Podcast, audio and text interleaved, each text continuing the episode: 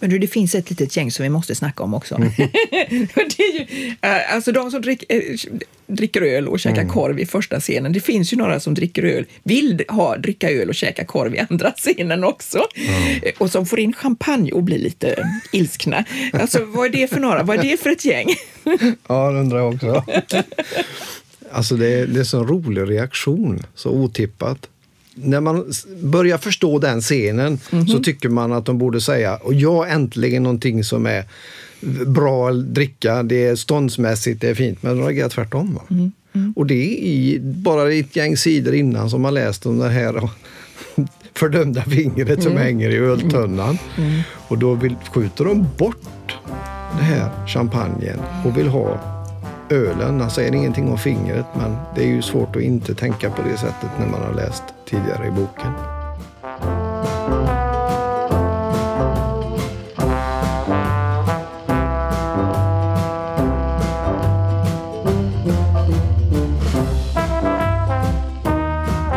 Hej och välkomna ska ni vara till den litterära salongen Banbrytande berättelser. Banbrytande berättelser är en podcast från Jonsreds herrgård, Göteborgs universitet och institutionen för litteratur, idéhistoria och religion, även den vid Göteborgs universitet. Jag heter Lena Ulrika Rudeke. Och banbrytande berättelser handlar om litteratur som förändrat synen på människan och världen, som påverkat lagstiftning, samhällsordning och historieskrivning och i en del fall skapat nya villkor för dikten själv. Och hit bjuder vi in forskare och andra experter för att fördjupa oss i olika banbrytande litterära verk. Och därför säger jag nu välkommen till dig, Gunnar Samuelsson, teologie doktor i Nya Testamentet vid Göteborgs universitet. Välkommen! Tack! Eh, hur vill du presentera det verk som vi ska prata om idag? Eller ja, de verk, för det är ju två. Per Lagerkvists Böden versus Passionsberättelsen i Bibeln. Hur, vad, säger du, vad säger du? Alltså Böden är en bok som genererar många känslor och det är många dubbla känslor. Dels saker man känner igen och sånt som känner igen hos Per Lagerkvist och sen så kommer det sånt som man inte känner igen. Så den skaver och den, den ger dubbla känslor. Det innebär att du har fått skava på en text här ett tag, ett tag nu och försöka landa i den. Mm. Eh, men du, för nu, apropå då passionsberättelsen, för den som inte vet, vad är passionsberättelsen för någonting? Passionsberättelsen är eh, den senare delen av de fyra evangelierna i Nya testamentet. Nya testamentets evangelier består till en stor del av Jesus sista vecka och det är passionsberättelsen. Alltså berättelsen om Jesu lidande och korsfästelse. Och vi ska alltså prata om en bödel och om en som har varit utsatt för bödel med andra ord mm. idag. Vad är böden för roman? Vad handlar den om? Ska vi ta, snacka lite grann om intrigen, lite kortfattat sådär? Ja, den, alltså, den är spännande på det sättet att det finns en person genom hela boken, mm. men det är två olika scener. Eller faktiskt tre scener. Jag tror man ska säga det sista talet som en egen scen. Där böden sitter, i den första delen är väldigt tyst i eh, någon krog långt tillbaka i tiden, medeltiden eller senmedeltid. Och sen helt plötsligt så bara växlar det över till nutid, eller i alla fall 30-talet. Eh, men ändå med samma karaktärer. Mm. Växlar över och så sker det en annan bödel ändå som kommer fram som är mer delaktig. Den första bödeln sitter i hörnet och folk är rädda men ändå tilltalas, lite imponerade, skrämda och så går samtalet. Men i andra scenen så är han med i mm. samtalet för att sen då mot slutet träda fram i det som kanske borde kallas tredje scenen. Den har en monolog. Mm, mm, mm. Och den här, för den första sa du var medeltida, eh, mm. medeltida kroglokal, värdshus, något sånt här. Andra scenen, var är, var är den förlagd någonstans? Det är ju en krog eller danslokal snarare, mm. men det är ju 30-talet. Alltså då nazismen växte fram under andra världskriget, vilket boken var en reaktion på sannolikt, eller en adressering utav det problemet. Så det var ju ett ställningstagande helt klart ifrån Per Lagerkvists sida. Per Lagerkvist ska vi bara ta, landa i vem han var. Mm. Född 1891, död 1974. Författare, ledamot av Svenska Akademin från och med 1940 filosofie hedersdoktor i Göteborg 41, nobelpristagare 1951. Och så var han smålänning, kom från Växjö, eh, från ett djupt religiöst hem. Vad har du att säga om, om eh, Per Lagerkvists hållning till religion? Alltså han var barn av sin tid, mm -hmm. men han var barn av en lite speciell del av den tiden, nämligen det som kallas för pietismen. Han växte upp i ett eh, mycket kristet, religiöst eh, hem. Eh, och det var en slags lågkyrklig fromhet. Det evangeliska fosterlandsstiftelsen växte fram och det, den finns ju kvar ännu idag i, i, som en del av Svenska kyrkan. Men när den kom så var det liksom inte, det var lite mer lågkyrkligt, väldigt fromt. Eh, inte eh, stora fina kläder i kyrkan utan lite mer enklare. Eh, som en slags reaktion mot högkyrkligheten och det som man tyckte var ett förfall. Så det var en väldigt känslomässigt personlig religiositet. Den där personliga omvändelsen, personliga helgelsen, att bli mer lik Kristus och så vidare. Alltså, så var diskussionen och det var hans uppväxt. Han har sagt vid något tillfälle att de enda böckerna som fanns i hemmet var Bibeln och psalmboken. Kan mm. det ha varit så? Ja, det tror jag. I många sammanhang var det. Sen var det många som var, naturligtvis var inlästa på den tiden också. Men i, i vissa delar av rörelsen så var det en aversion mot andra böcker. Man ville alltså läsa, hålla sig till det som var Bibeln. Mm. Och det gäller ju inte bara eh, pietismen, det fanns ju andra, frikyrkor och annat som gjorde på samma sätt. Mm. Men eh, det draget är helt möjligt att det fanns i hans hem. Men sen hände det något med honom, va? Han började resa. Det är farligt.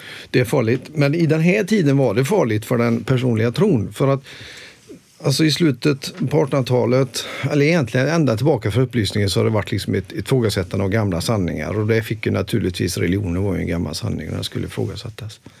Men i och med när darwinismen växer fram, även när socialismen växer fram så finns det alltså alternativa svar på frågor som tidigare religion har besvarat. Så det var ju inte så få människor som fick, eh, vars tro fick en rejäl knäck under den tiden. Och jag tror Per Lagerkvist var en av de här. Så när man reste ut helt plötsligt så fanns det ett annat svar. Alltså bara en sån sak, kunna besvara hur hela världen och mänskligheten har kommit till utan att behöva ta med en gud i ekvationen var ju oerhört befriande för människor. Och jag, det verkar som Per var en av dem.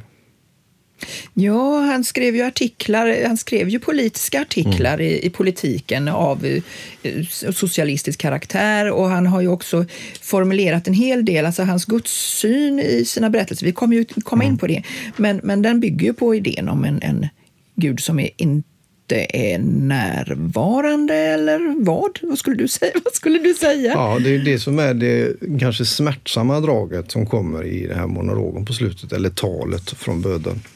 För det, det finns ett drag som liksom har gått igen och skint igenom under hela kyrkans historia, men inte på estraderna och när det ska talas i dur, utan ett drag som är djupt i moll som har dykt upp i många människors sammanhang. Som man har beskrivit med olika alltså beskrivningar, själens mörka natt. Alltså det, ökenfädernas beskrivning av Guds tystnad. Alltså det är många klangbottnar som kommer tillbaka i några strofer egentligen. Eller en mm. sida, boksida mot slutet där när han står inför Guds tron.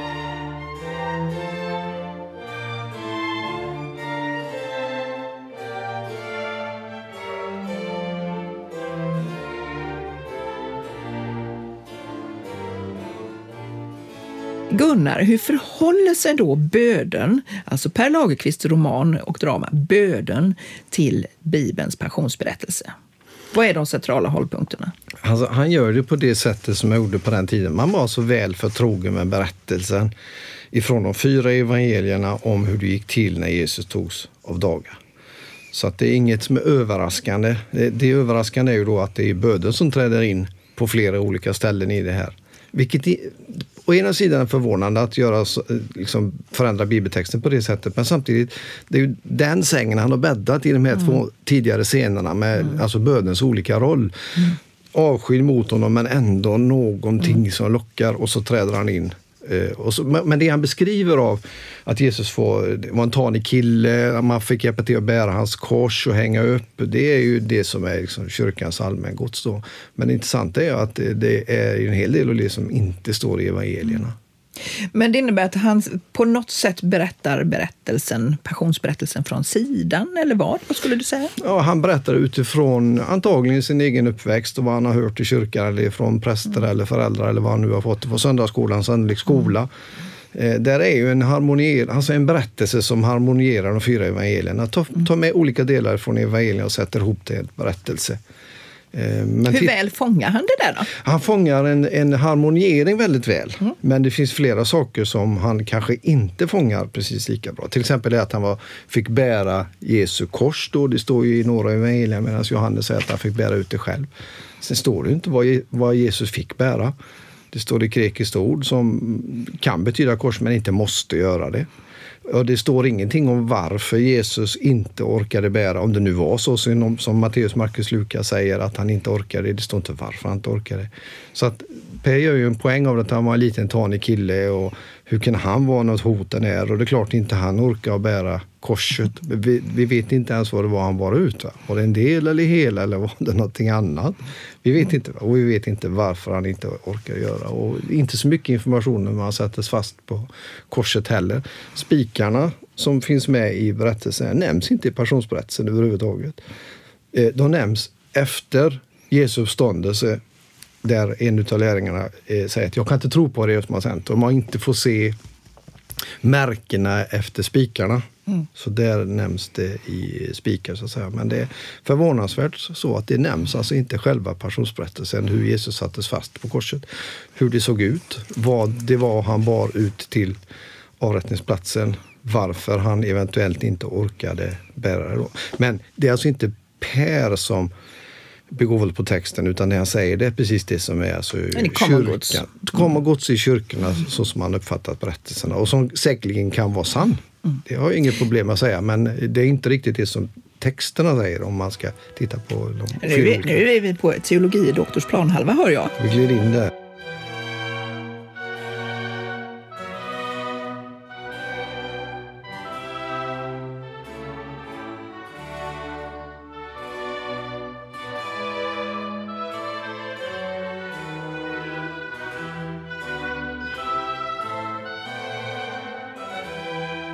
Går tillbaka till, de här, till texten, de här båda scenerna. Mm. Alltså medeltida värdshusen och eh, danslokalen under nazitiden. Alltså 1900-tal. Vad gör han egentligen? Vad gör Lagerqvist mellan de här två? Vad, vad tycker du kännetecknar medeltidsberättelsen versus 1900-talsberättelsen? Om vi börjar rota där lite grann. Alltså, det, finns, det finns två, en sak som är en slående skillnad är liksom draget av elegans, för det finns ju inte den medeltida. Alltså, där är det bara smutsigt, det är mörkt, det är en död mans finger i ölet. Alltså, det här sjaskiga, smutsiga, prostituerade. Alltså, det beskrivs i detalj. Det är verkligen mörka medeltiden. Mm, mm, mm kommer mm. verkligen fram här. Och det är klart, det är ju ingen raffinerad tillställning. Vi kommer till 30-talet i den här andra scenen då, det finns också mycket grova uttryck och grejer. Men det finns champagne, någon fin dam. Alltså, det, det, kommer in ett annat drag där i som är helt frånvarande i medeltida. Så att den synen då, den mörka medeltiden slår ju igenom i de här scenerna väldigt effektivt. Och han beskriver det också fantastiskt. Alltså så måleriskt det här. Man mm, mm, ser, mm. en känner in situationen inne i den här puben sjaskigheten beskrivs på ett sätt som liksom kommer rakt i ansiktet på en. Mm, mm, mm. Ja, alltså, ja, men det, det är sant. Det, det är ju inte mycket ljus i, i lokalen mm. på värdshuset medeltid. Och samtidigt så tänker jag så här, det finns ju också den här nästan lite glittrande, eh, som vi säger idag, diskokulan. Alltså någonting som hänger och som gör att det glittrar ljus i danslokalen. Samtidigt som han beskriver på något ställe som vad är det han säger, likgrönt ljus. Mm. Som, alltså det är andra ja, men en annan ljussättning av rummen. Och han laddar ju för den här kritiken som kommer lite senare, mitt i allt det vackra och fina med de här mm. välkammade personerna som kommer in och sen ställer till det i scen nummer två. Så han ställer ju upp scenen lite grann för den.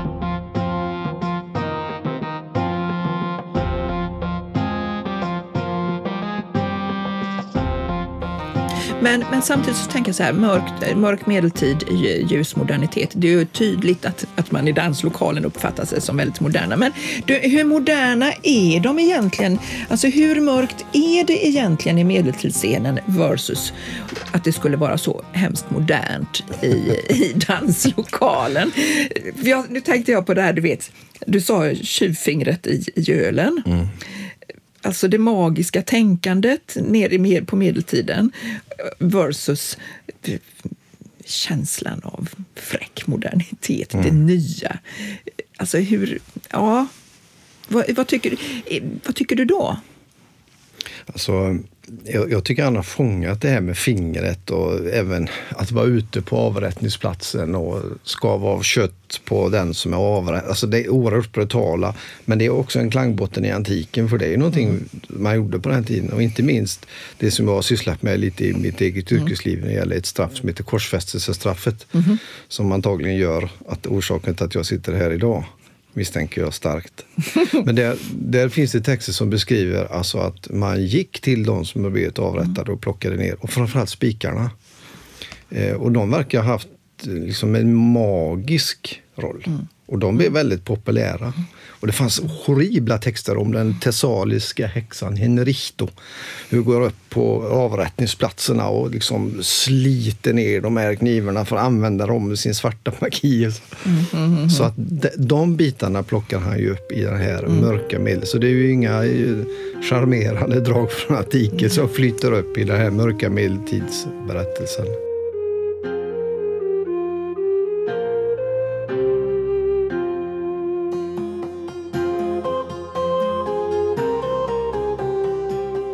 Tänker samtidigt så här om man tittar på dialogerna som sker i rummen. För du, du, du har ju helt rätt i, i den biten med, med eh, hur, hur trovärdig den mörka delen är. Men jag tänker så här, dialogerna, där är ju de sitter ju ett gäng och snackar på värdshuset. Va? Men dialogen som är på värdshuset, den är ju mycket mer nyanserad än vad dialogen som, eh, alltså den här propagandistiska, mm. självgoda dialogen på danslokalen. Alltså, eh, vilk, vilken tid är det som är mörk egentligen? Ja, och det, alltså den växlingen gör han ju väldigt snyggt. Va? För de, de här rösterna kommer ju med in i den lite finare salongen. Men sen det som sker i salongen visar ju att den finare salongen är mer brutal än den medeltida. Mm. Så, han, så han, alltså bryggan är så, så imponerande. I, och den blir lite mer imponerande varje gång man läser mm. boken. Mm. Så jag förstår mig inte riktigt på. Men det är väl så med god litteratur att man hittar nya saker varje gång man läser den. Eh, naturligtvis. Men den, det är så imponerande persongalleriet. Mm. Och man tycker det är mer sofistikerat i den här salongen. Och så bara bryter det ut och kryper upp och blir mer brutalt än vad det någonsin var med en död mans finger. Så var det ju faktiskt en av kritikerna som menade att, att romanen innehöll, nu citerar jag, språkliga överskridande av lämplighetens gränser. och det, det kan man väl säga, om de sa det då så är frågan vad säger vi idag? Därför att den här danssalongen det är ju en extremt rasistisk scen. Mm. där Lagerqvist själv också, som man gjorde på den tiden, använder n-ordet. Men inte bara det, därför att det är ju en, alltså eh, orkestern där. Mm. Vad ska vi säga? Vad, vad, hur, hur skildrar Lagerqvist Alltså det är ju, olämpliga ord finns ju hur många som helst i mm. boken. Inte bara ett ord som kommer upp där som är extremt o, olämpligt. Eh, men det, alltså hela beskrivningen av de här går ju på något vis i linjerna med den tiden som var. Mm. Så att alltså, berättarens röst i den andra scenen beskriver ju orkestern inte så långt ifrån hur de här nazisterna beskriver dem. Ja. Ungefär som man blir infekterad och, ja, av... Visst, apor i en bur. Alltså, så det, det finns en dubbelhet även där. Vi pratar alltså om den svarta jazzorkestern mm. som spelar för nazisterna i lokalen. För att vara tydliga med ja. det. Och där anbringar alltså Lagerqvist ord som gör att vi skulle säga att det här är en otroligt rasistisk ja. berättelse idag. Men det finns fler saker i beskrivningen. Men, det, men eh, på den tiden sa man på det sättet utan att det var nedlåtande mm. eller nedsättande för det fanns inget annat ord. Alltså det var det man använde. Men han gör mer än att använda normala ord. Han gör en skildring och det är ju inte bara när de här nazisterna kommer in då, som är väldigt skickligt beskrivna, så man förstår ju direkt vad det är för typ. Men alltså jargongen är ju på gång innan. Det, det, han, han, de gör entré vid rätt tid. Va? Det de säger bryter inte mot andra som är inne i salen så jättemycket utan han får med sig. Sen blir det ju diskussioner de tar över så att säga. Men det är inte så att alla springer skrikande ut utan det är ju på något vis bäddat för den scenen som kommer då när de här musikerna sätter sig för att äta mat. Då. Det får man ju inte göra om man är färgad ihop i samma rum som den rena ariska arten. Vilket de inte säger, men det är väl det de antyder. Och så skjut, skjuter de en av dem, så blir det bråk. Och De skjuter väl av fler? Va? Alltså Ja. det är nästan halva orkestern som ryker i det våldstumultet som uppstår. va?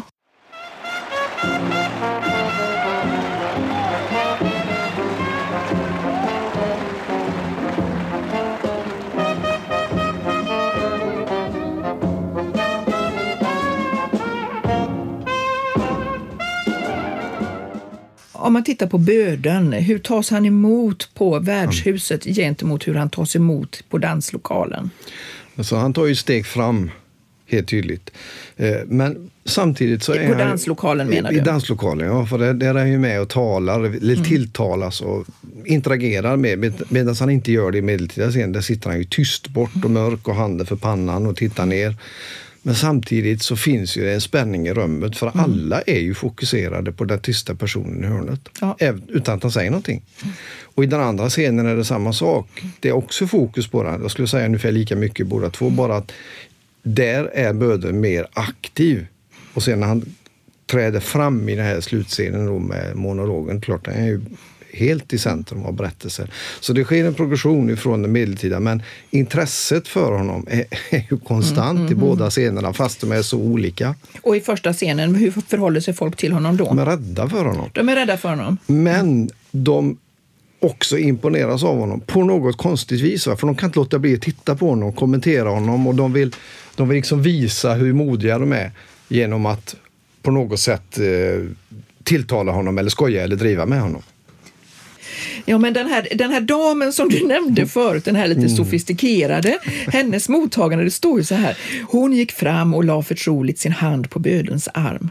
Min son vill säkert förfärligt gärna göra er bekantskap. Han är en sådan beundrare av blodsutgjutelse, det kära barnet. Ja, men vad, vad säger man? Alltså, det är ju, det är ju helt, helt sanslösa diskussioner. Vad, vad ska man säga? Alltså idag så hade det kanske inte väckt lika stor förvåning som på den tiden. Jag tror att den, alltså att koppla ihop den här damen som kommer fram som ska då på något vis vara sofistikerad och närmar sig och lägger handen på sig, skickligt beskrivet. Va? Det gjorde man ju inte i den medeltida scenen, lägga handen på bödden. Men hon gör det då, men så säger hon detta horribla. Eh, så att alltså scenen vänder så fullständigt. Vilket han är så skicklig på att göra, de här vändande scenerna. Och not- notera även alltså böden i den medeltida. Eh, alltså alla beskrivs ju som driva och rädda för honom, men på något vis känns det som att egentligen har velat gå fram och lägga handen på honom också. För att, det, alltså en antihjälte, eh, ett hot, men ändå Alltså det här mänsklighetens... Vi dras till det som vi inte ska göra. Vi dras till det vi inte får göra. Mm. Men, men du, det här med... För att du, jag gillar ju det här tjuvfingret i ölen, va? Men, men det är ju inte det enda. För i- medeltidsscenen så finns ju även suckande svärd. Eh, och eh, alruna nämnde du och så vidare. Va? Det är teck, man talar i tecken och symboler. Men eh, ser du någon likhet på det? Har man verkligen kastat ut det förhållningssättet helt och hållet inom eh, moderniteten, alltså i nazistskildringen? Nej, alltså det finns ju inget som motsvarar just det när det gäller amuletter eller sökande svärd i den medeltida scenen, utan det finns det på andra plan.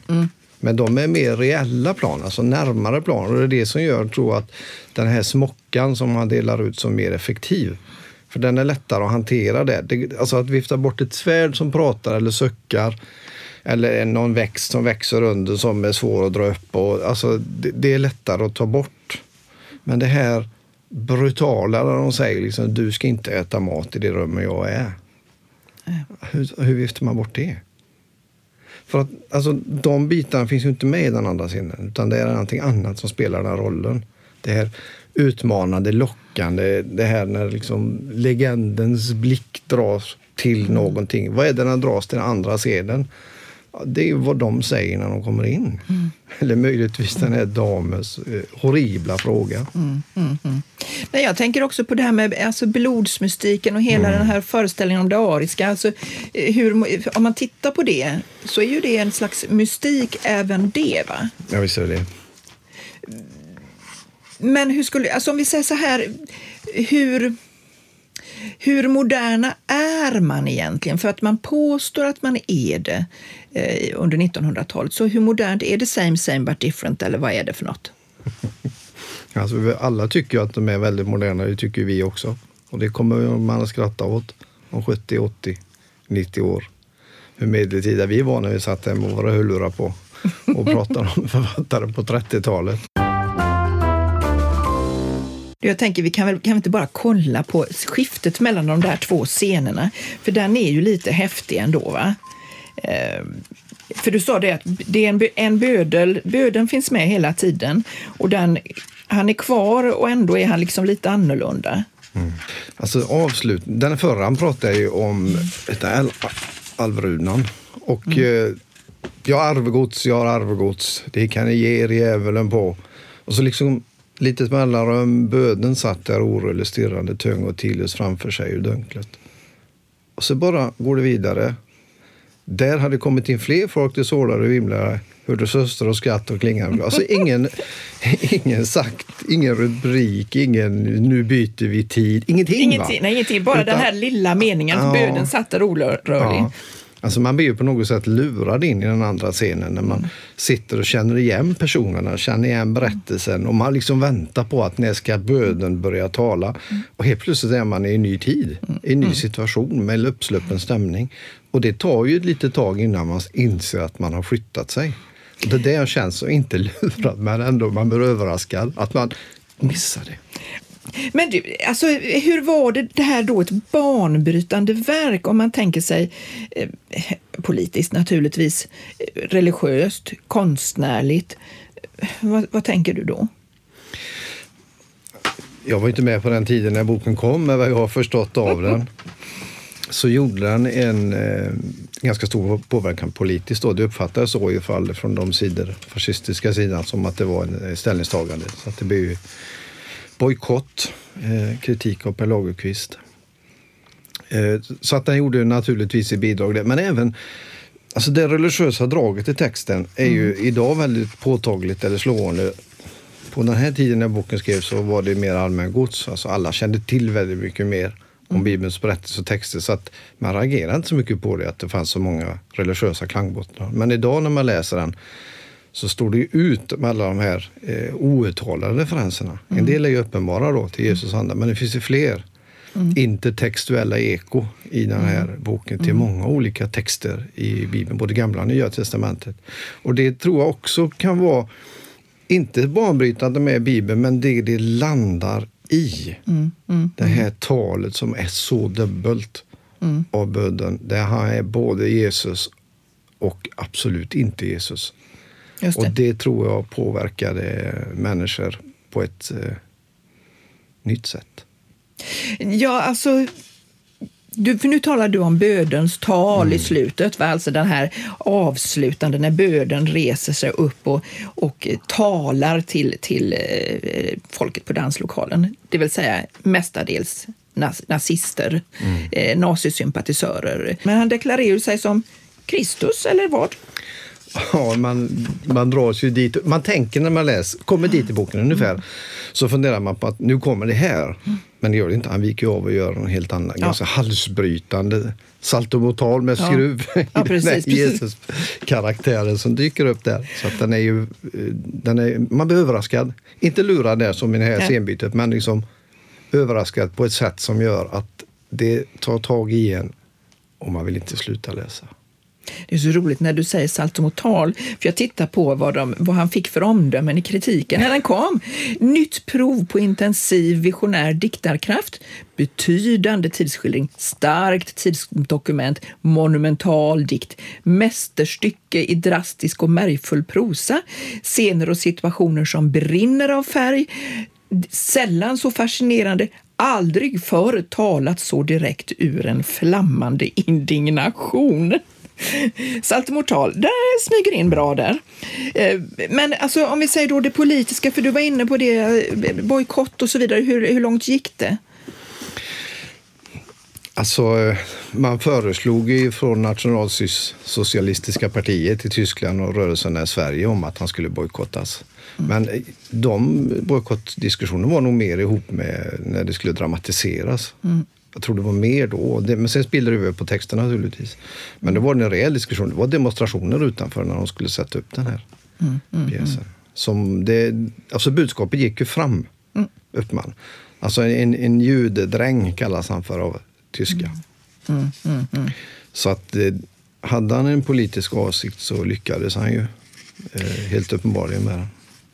John Landqvist skrev att den borde stämplas som förtal i sin, sin eh, mottagande av det och tyckte att det var helt främmande. Hans skildring av nazismen var helt främmande för vad, han, vad John Landqvist då beskrev som en puritansk rörelse till vars främsta programpunkter hör anständighet. Vilket ju är, ja, man förstår att är det så som man inom vissa grenar av högern såg på nazismen i Sverige så måste det varit otroligt upprörande när Lagerkvist dunkade ut det här. Alltså det var inte bara högerradikala utan det var stora delar av svenska samhället såg det på det sättet på Hitler mm. innan mm. man visste var, vart det liksom lutade. Va? Alltså det var många som hade hakkors, vajan i vinden inte minst här runt Göteborg. Mm. Eh, på grund av att de såg väldigt positivt på det som Hitler gjorde. Mm. Sen så börjar man ana att det var saker som var fel. Och vissa framhärdar ju och gör det fortfarande än idag, vilket är fullständigt mm. horribelt hur man kan göra det när man har sett mm. Eh, resultatet av det. Men alltså, vi ser ju historien bakifrån. Vi har facit. Det hade man inte på den tiden. Utan det här var en person som drog upp liksom, Tyskland ur fördärvets grop om man ska ta till en biblisk metafor. Mm. Men sen så insåg man att det var ju fullständigt för horribelt allting. Va? Men vid den här tiden så var det många som inte hade sett det. Så klart att det uppfattades som väldigt negativt. Så när vi läser vad nazisterna säger i den här andra scenen så reagerar vi inte.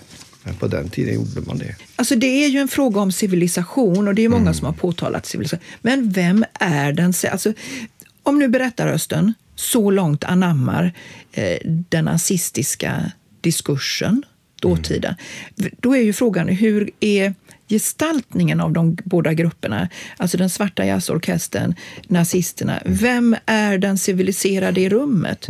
vad, vad, säger du om det om man tittar på gestaltningen? Ja, det är inte så många som är civiliserade här, men de som kommer närmast det vi skulle beteckna som civiliserat det är den svarta orkestern. Ja. Uh, han gör en, en, en liten, alltså en fin grej som är fin i sin brutalitet med en mamma som kommer och frågar, uh, berättar att hennes son är så imponerad av honom. Ja, blodet, och, alltså det här brutala mm. att man dras till det mörka i verkligheten. Och hon ska ju vara någon slags sofistikerad dam. Men det blir precis tvärtom. Den sofistikerade damen som röjer en mänsklighetens sida som man eh, mänskligheten har skämts över länge när man dras till det man inte ska dras till. Mm. Men det, de, de, den svarta orkestern beskrivs ju inte på det sättet utan de spelar och är engagerade i sitt, vilket antagligen är mening med hela den här scenen då, att det ska dra ner byxorna på den här samtiden som var på väg att växa fram som sa helt andra saker än svarta orkestrar.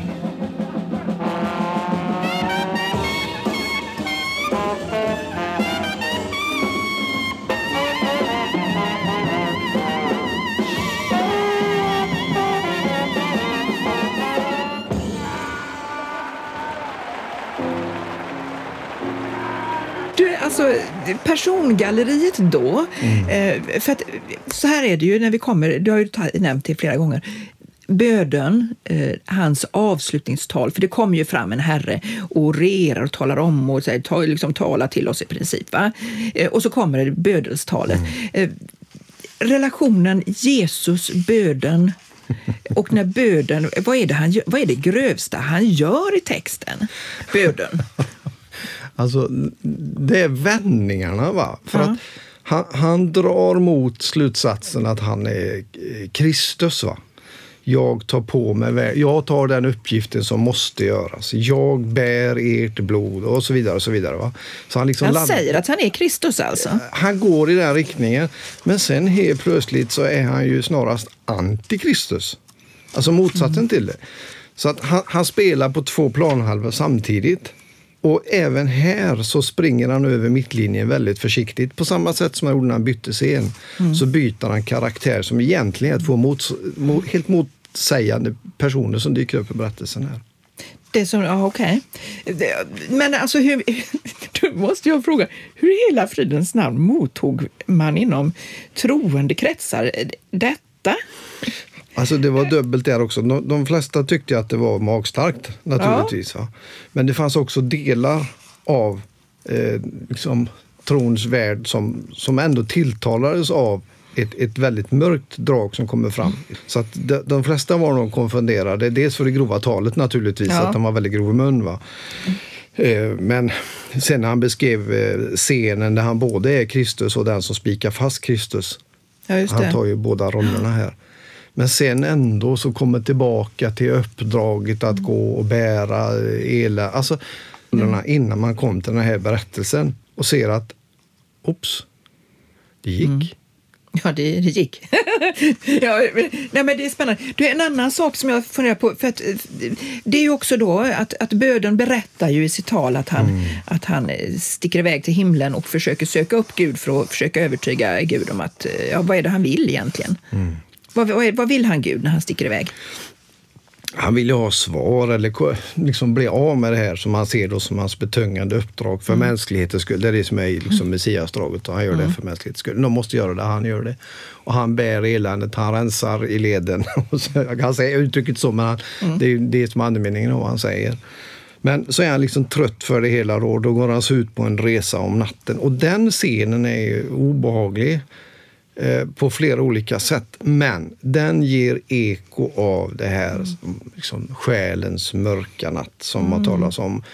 Lite eh, Getsemane örtagård eller alltså, vad skulle du säga? Det är mer brutal ångest och ja. liksom låta den här bägaren gå bort. Men den här Guds tystnad, vilket då många har vittnat om. Och nu är inte sådana som har lämnat kyrkans värld. De naturligtvis vittnar om det också. Men många av de som har varit kvar i kyrkans värld, till exempel ökenfäder, munkar, andra som har berättat om sin förtvivlan över en tyst Gud. Mm. Och sagt, eh, liksom, är det någonting kännetecken som Gud har så är det att han är tyst. Mm. Och det är ju inte så liksom, populärt att säga i kyrkligt sammanhang om man vill få människor att komma dit. Säga välkommen hit så får ni en tyst Gud. Utan man säger tvärtom. Va? Men det blir ju den allmänmänskliga upplevelsen mm. och den finns i breda lager mm. inom de troendes värld. Det här att man Alltså speciellt om du kör i väggen. Mm. Alltså om ditt liv faller ihop genom olika sjukdomar eller att du är utarbetad eller någon reaktion. Va? Eh, då tystnar, liksom är du religiöst lagd så det finns ju någon form av kommunikation. Du läser Bibeln, du ber. Du liksom, det, det finns en del av sinnenas värld där man kopplar in gudomar på något vis. Den dör ju ut i sådana här lägen. Och då blir den här berättelsen alltså så oerhört stark. va det finns ju tyvärr uppståndelse av alla möjliga olika slag. Mm. Att saker och ting kommer tillbaka vid liv som vi inte trodde skulle göra det. Mm. Eh, så att det är ju en aktuell på många olika sätt. Den är inte bara påskaktuell, bödelsberättelsen, utan den är ju alltså samtidsaktuell och har en ny relevans än idag på mm. ett sätt som vi väl inte egentligen önskar. Nej, tyvärr är det ju så. Att i vår tid så är den eh, värd att läsas också av den anledningen. Sen är det en del saker som går folk förbi tror jag. Men jag, jag tyckte det var kul att sätta den här boken i händer på sådana som inte läser böcker så ofta. Eller de som inte läser den här kategorin böcker. Och få se hur reaktionen är. Jag tror att det kommer vara ganska många olika reaktioner och det är nog en hel del som inte kopplar det här antirasistiska eller antinazistiska draget. Utan jag är lite nyfiken på att få höra hur liksom, gemene man vad de känner när de läst färdigt boken. En del säger bara vad det är för konstig bok och så går de vidare. Men de som stannar kvar och funderar, som har post-it-lappar på skärmen med funderingar, eh, hade varit väldigt kul att sitta ner och, och prata lite grann med det. Sen eh, naturligtvis relation till påsken, men det är ju som sagt på mitt gamla yrkesliv. Tack så hemskt mycket Gunnar Samuelsson för att du kom hit idag. Du har alltså lyssnat på podcasten Banbrytande berättelser, en litterär salong som produceras av Jonsereds herrgård Göteborgs universitet och Institutionen för litteratur, idéhistoria och religion, också den Göteborgs universitet. Vill du lyssna på tidigare avsnitt, exempelvis om Bram Stokers Dracula, Tolkiens Sagan om ringen eller Tove Janssons Muminsvit hittar du dem på vår hemsida gu.se Jonsereds herrgård eller där poddar finns. Jag heter Lena Ulrika Rudeke och säger tack för denna gång och hej!